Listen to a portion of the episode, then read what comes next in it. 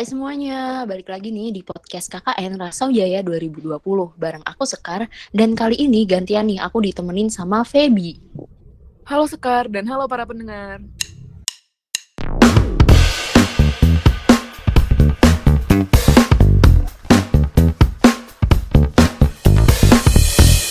Halo Feby.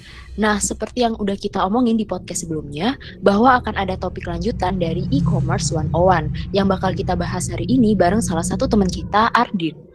Anyway, topik ini merupakan episode penutup dari podcast kita loh. Enaknya kita sapa dulu lah ya, Ardin. Halo Ardin, gimana kabarnya? Halo Feb, halo juga Sekar. Kabar Halo. baik nih. Tapi ya tahu sendirilah, ini pekan-pekan terakhir KKN harus kejar tayang nyelesain broker.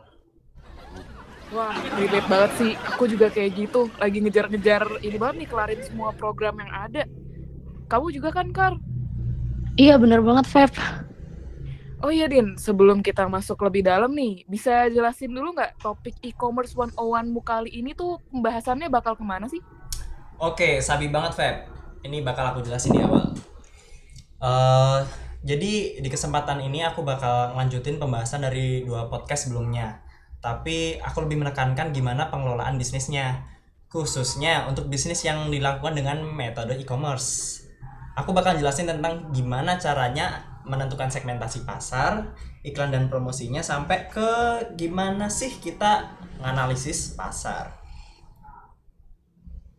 Waduh, episode penutup kali ini perlu mikir banget kayaknya. Kayaknya kita malah bakal belajar ekonomi 4 SKS nih bau-baunya. Bener banget, Feb. Malah, kali ini bakal aku kemas seawam mungkin biar para pendengar juga gampang nanti ngaplikasiinnya.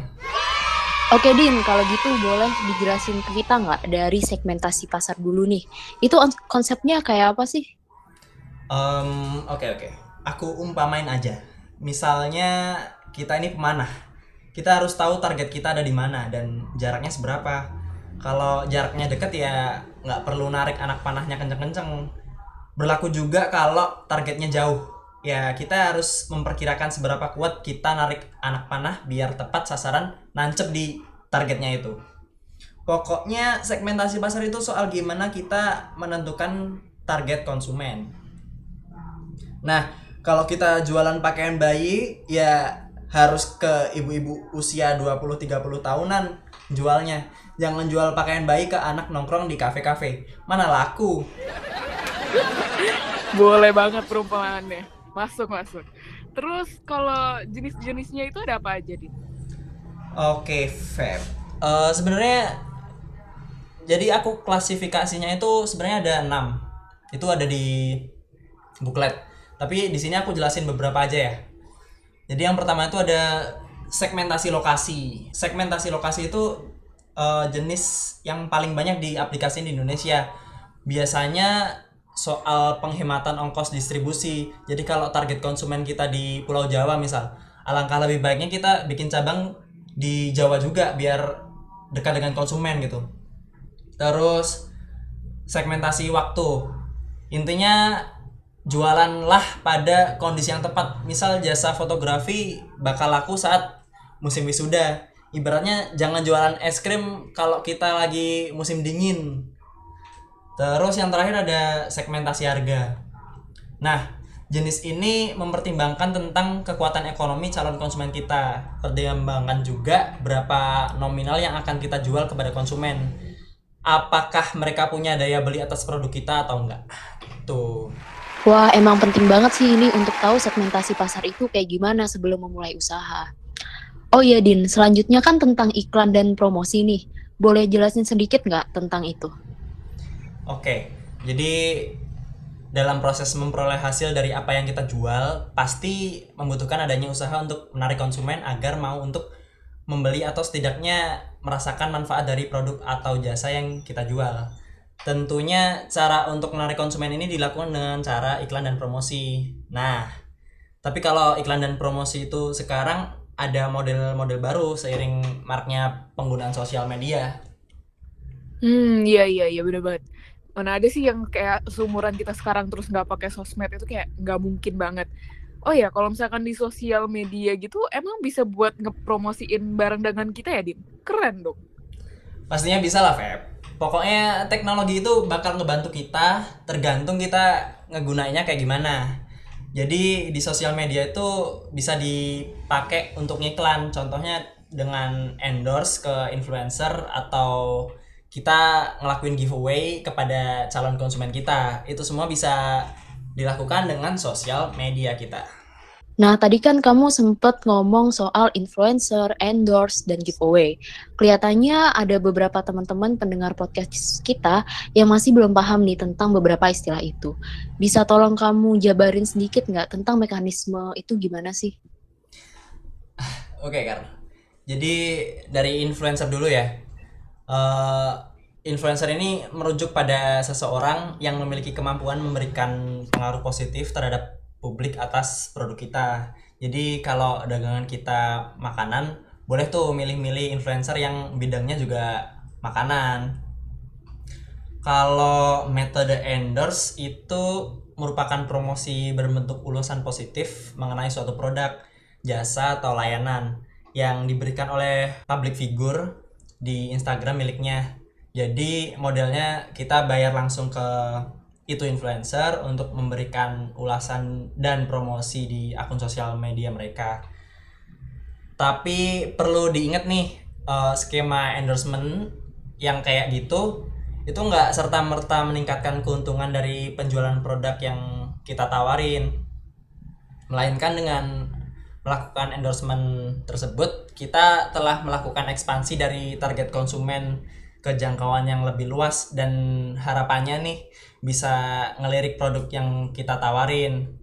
Dan hasil akhirnya itu apakah calon konsumen tersebut akan membeli produk kita apa enggak itu balik lagi ditentukan dari keunggulan produk yang kita tawarin. Jadi jangan berharap banyak ke influencer. Kalau produk kita nggak laku ya salahin produk kita jangan salahin ke influencernya. Kalau giveaway di sini diartikan dengan memberikan sampel produk secara cuma-cuma ke calon konsumen. Dengan memberikan secara gratis diharapkan apabila produk yang kita bagikan tadi memiliki keunggulan, ya maka calon konsumen tersebut akan tertarik untuk membeli setelah nyobain produk kita. Wih, menarik ya. Berarti kalau aku pahamnya itu cara konvensional giveaway kalau yang konvensional berarti kayak kita bagiin barang ke teman dekat atau saudara gitu ya, Din. Tapi karena ini fokusnya sosial media dan e-commerce, jadi lingkupnya nggak cuma orang-orang terdekat, gitu kan ya? Benar banget, Feb. Positifnya kalau kita bagiin secara cuma-cuma itu ke orang yang nggak deket sama kita atau bahkan nggak kenal nih, ulasan atau review yang mereka kasih itu akan gimana ya? Lebih jujur gitu jadi kalau kurang apa-apa bisa jadi bahan evaluasi kita beneran, bisa buat tes ombak juga untuk analisis pasar nanti. Gitu. Nah, Din, berkaitan dengan analisis pasar nih, boleh jelasin nggak tentang langkah-langkah apa saja sih yang harus ditempuh? Oke, Kar. Jadi intinya analisis pasar tuh dilakuin sebelum kita memulai bisnis kita membaca, melihat dan memanfaatkan peluang pasar yang ada. Contohnya aja kayak uh, meskipun pandemi mengakibatkan usaha dalam sektor pariwisata menjadi tidak memberikan keuntungan seperti hari biasanya, namun di balik itu ada peluang yang bisa kita ambil, yaitu pelaku usaha dapat menjual produk-produk khas daerah yang biasanya menjadi oleh-oleh wisatawan secara online melalui e-commerce pastinya jadi pelaku usaha tetap memperoleh pemasukan. Nah, pemasukan lainnya juga bisa disambi nih jual masker misal. Soalnya itu kayak jadi gimana ya? Hal wajib kan kalau setiap orang tuh harus pakai masker sekarang. Oh iya bener-bener. Nambah insight baru banget sih ini. Kalau gitu nih, kamu ada pesan buat para pendengar nggak, Din? Berkaitan dengan apa yang udah kamu jelasin tadi. Hmm, apa ya? Oh ini aja sih yang perlu diingat bahwa dalam memanfaatkan peluang bisnis tetap perlu memperhatikan etika bisnis. Jangan sampai manfaatin kesempatan dalam penderitaan orang lain. Tapi ini konteksnya waktu pandemi kayak sekarang ini ya. Jadi kayak misal dulu kan kita tahu kalau pada pengen masker dan belum dikasih tahu kalau ternyata masker kain itu sama amannya. Dulu kan banyak tuh nimbun-nimbun masker nimbun-nimbun hand sanitizer. Itu kayak apa nggak etis banget lah. Sama jangan lupa nih untuk baca modul-modul yang kita udah susun. Soalnya sebenarnya jauh lebih banyak pemaparan yang lebih lanjut di sana. Karena ini podcast keterbatasan waktu. Jadi ya pokoknya lebih pemaparan lebih rigidnya tuh ada di modul. Jangan sampai dilewatin tuh modulnya Oke Ardin, makasih banyak ya atas penjelasannya yang rasanya 4 SKS matkul ekonomi tapi dikemas jadi menarik. Oke, nggak kerasa ya teman-teman seperti apa yang udah kita singgung di awal bahwa ini adalah episode terakhir podcast KKN Rasa Jaya 2020. Terima kasih untuk para pendengar kita dari awal sampai episode akhir ini. bener banget makasih juga ya Kar sama Feby udah mau nyempetin jadi host di podcast aku kali ini Siap. Sama-sama Din. Kalau gitu, kami Peggy Sekar, dan Argin pamit undur diri. semoga kalian semua tetap diberi kesehatan ya. dan sampai jumpa di lain kesempatan dadah Dadah.